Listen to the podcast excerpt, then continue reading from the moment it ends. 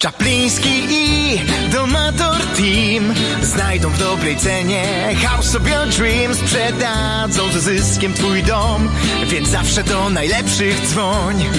905 278 0007 905 278 0007 To jest e, poranek z Radiem 7, no i to jest e, chyba dla wszystkich jasne, że o tej porze w naszym studiu Maciek Czapliński. Dzień dobry. Melduje się.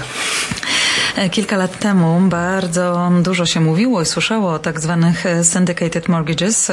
Co to właściwie jest? No i czy to była bezpieczna inwestycja? No proszę Państwa, było tak się złożyło, że kiedy syndicated mortgages stały się niezwykle popularne, bo były niezwykle, wszędzie się o tym mówiło, no to była to taka reakcja trochę na te ogromne, niskie oprocentowania kont bankowych, bo ludzie dostawali 1,5%, czasami procent. I no oczywiście ktoś, kto zbiera pieniądze i oszczędza, to chciałby, żeby te pieniądze jakoś pracowały.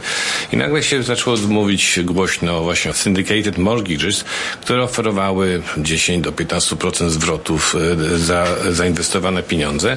I to jeszcze powiedzmy zawsze było powiedziane, że te pieniądze są oczywiście zabezpieczone ziemią albo obiektem, który jest finansowany. No i oczywiście jak, to można odrzucić tę okazję, mamy niezwykle wysokie oprocentowanie i mamy również zabezpieczenie, czyli każdy w to wierzy jak w, w święty obrazek, prawda? No i teraz y, okazało się, że również poziom tych inwestycji nie musiał być wcale wysoki, bo na przykład jak ktoś miał w banku 50 tysięcy dolarów, to nie był w stanie kupić za to domu, natomiast jak miał 50 tysięcy dolarów w banku, mógł je włożyć na syndicated mortgage, w związku z tym ten poziom inwestycyjny był relatywnie mały. No i okazało się potem, że dużo ludzi wpłacało pieniądze, niektóre te projekty wyszły, niektóre projekty nie wyszły, bo wyszło szydło z worka, okazało się, że niektóre były po prostu no, przeklętem, tak jak się jasno mówi. No i, i wiele ludzi właśnie straciło pieniądze. Natomiast co to są syndicated mortgage w zasadzie? Generalnie rzecz biorąc, jeżeli na przykład jakiś deweloper albo jakaś firma planująca jakąś inwestycję potrzebuje tak zwane startup money, czyli pieniądze, od których może zacząć tą inwestycję, no jak pójdzie z jakimś tam pomysłem do banku, to bank powie, no dobrze, fajnie, ale jakie jest nasze zabezpieczenie, ten projekt jeszcze się nie dzieje, w związku z tym my nie jesteśmy takimi inwestycjami zainteresowani. Dlatego ci właśnie deweloperzy, którzy potrzebują pieniądze, to robią tak zwany właśnie prospektus, czyli e, specjalne broszury, w których e, jakby przygotowują, omawiają ten projekt, robią wykresy, mówią ile zarobią, ile, ile potrzebują i tak dalej, i tak dalej. Zatrudniają e, agentów pośrednictwa właśnie od załatwiania mortgage'y, różnych mortgage brokers, którzy oferują te właśnie typu inwestycje swoim klientom. I to jest właśnie grupa indywidualnych, często prywatnych osób, która widząc taką potencjalną inwestycję, no mówi, no może fajnie, to tyle mi oferują, 10%, wow, to na 3 lata, bo tyle się zwykle ten kontrakt podpisuje, 3 lata zwykle się przedłużają, bo jak się budowa opóźnia, to często jest tak właśnie, że są opóźnienia. No i przez te 3 lata ktoś ma zagwarantowany, powiedzmy, wypłaty albo co miesiąc, albo ewentualnie raz w roku, albo są to dopisywane pieniądze do konta. I praktycznie biorąc, w zamian ci, którzy pożyczają pieniądze, czyli właśnie ci prywatni mali inwestorzy dostają specjalne certyfikaty, no i właśnie to jak gdyby zabezpieczenie na terenie nieruchomości.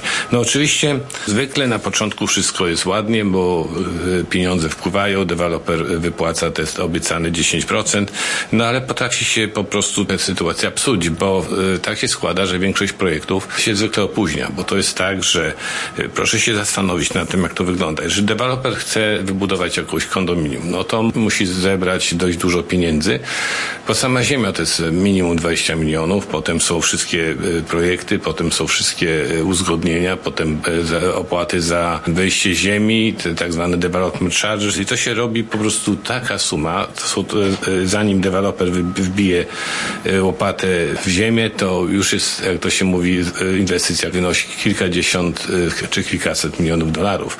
A jeżeli zabezpieczenie była ziemia, która była warta 20 milionów, no to jest tych rzeczy, tych pieniędzy, które deweloper wy, wydał, jest zdecydowanie więcej niż y, to wartość tego zabezpieczenia. Dlatego jest to w pewnym sensie trochę ryzykowna inwestycja. No i właśnie te, te wszystkie przygotowania do budowy to trwają latami i deweloper oprócz tego, że musi kupić ziemię, musi również zainwestować we wszystkie projekty, wszystkich konsultantów, musi zapłacić do miasta odpowiednie development charges. Państwo sobie nie zdają sprawy, ale w tej chwili na przykład w Mississadze każdy unit taki mieszkalny, jak buduje się w kondominium, to prawie 100 tysięcy dolarów jest samych opłat za to, żeby można dostać pozwolenie na budowę.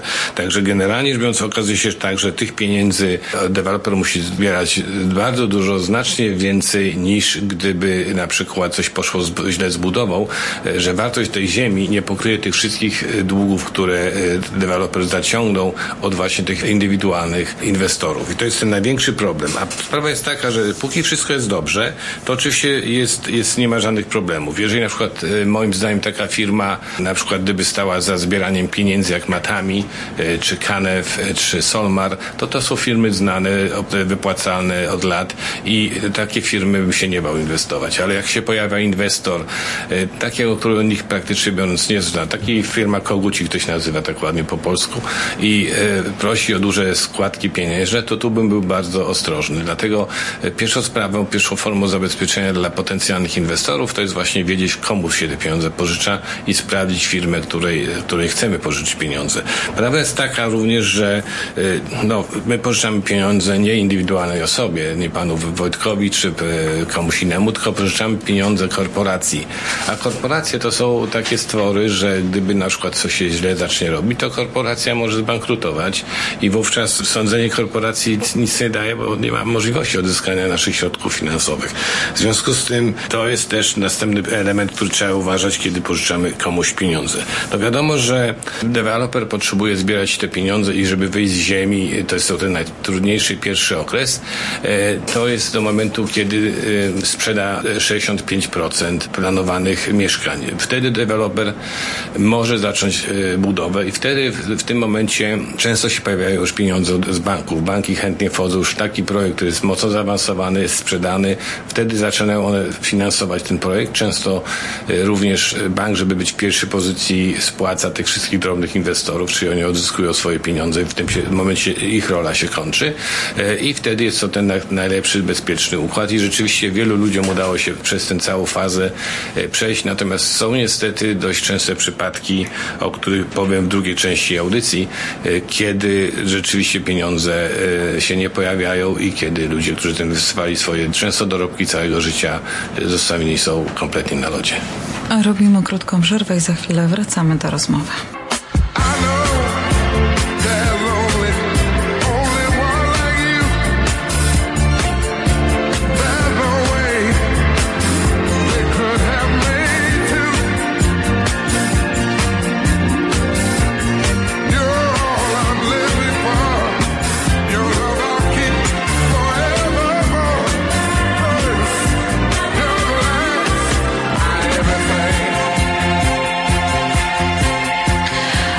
Do rozmowy z Maćkiem Czaplińskim, a dziś rozmawiamy o syndicated mortgages.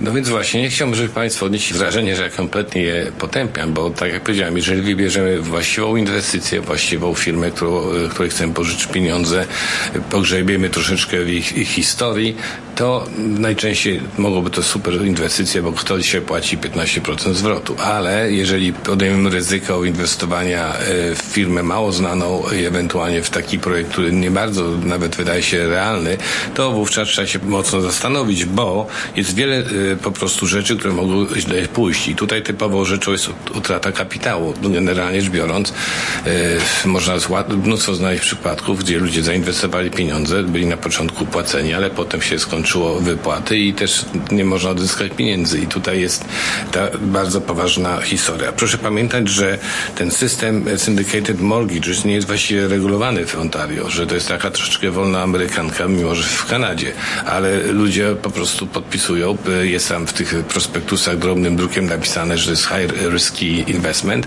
i że oni podejmują decyzję, czy ryzyko na własną rękę, no i potem jak można powiedzieć w sądzie, że no, podpisałem, że ryzykuję, no to w związku z tym jestem ryzykantem i, i tyle. No, trzecia sprawa, która jest dosyć skomplikowana, to jest brak płynności. Chodzi o to, że na przykład e, inwestujemy w taką rzecz jak e, syndicated mortgage, jest to zwykle długa podróż. Jeżeli się zgadzamy na dwa lata, często się okazuje, że to zostanie przeciągnięte następne dwa lata. Jeżeli w międzyczasie chcemy na przykład wyjść z tej inwestycji, na przykład powiedzmy odzyskać nasz kapitał, sorry, to się nie wydarzy i w związku z tym, jak ludziom się sytuacja życiowa zmienia, potrzebują nagle pieniędzy, są troszeczkę stak.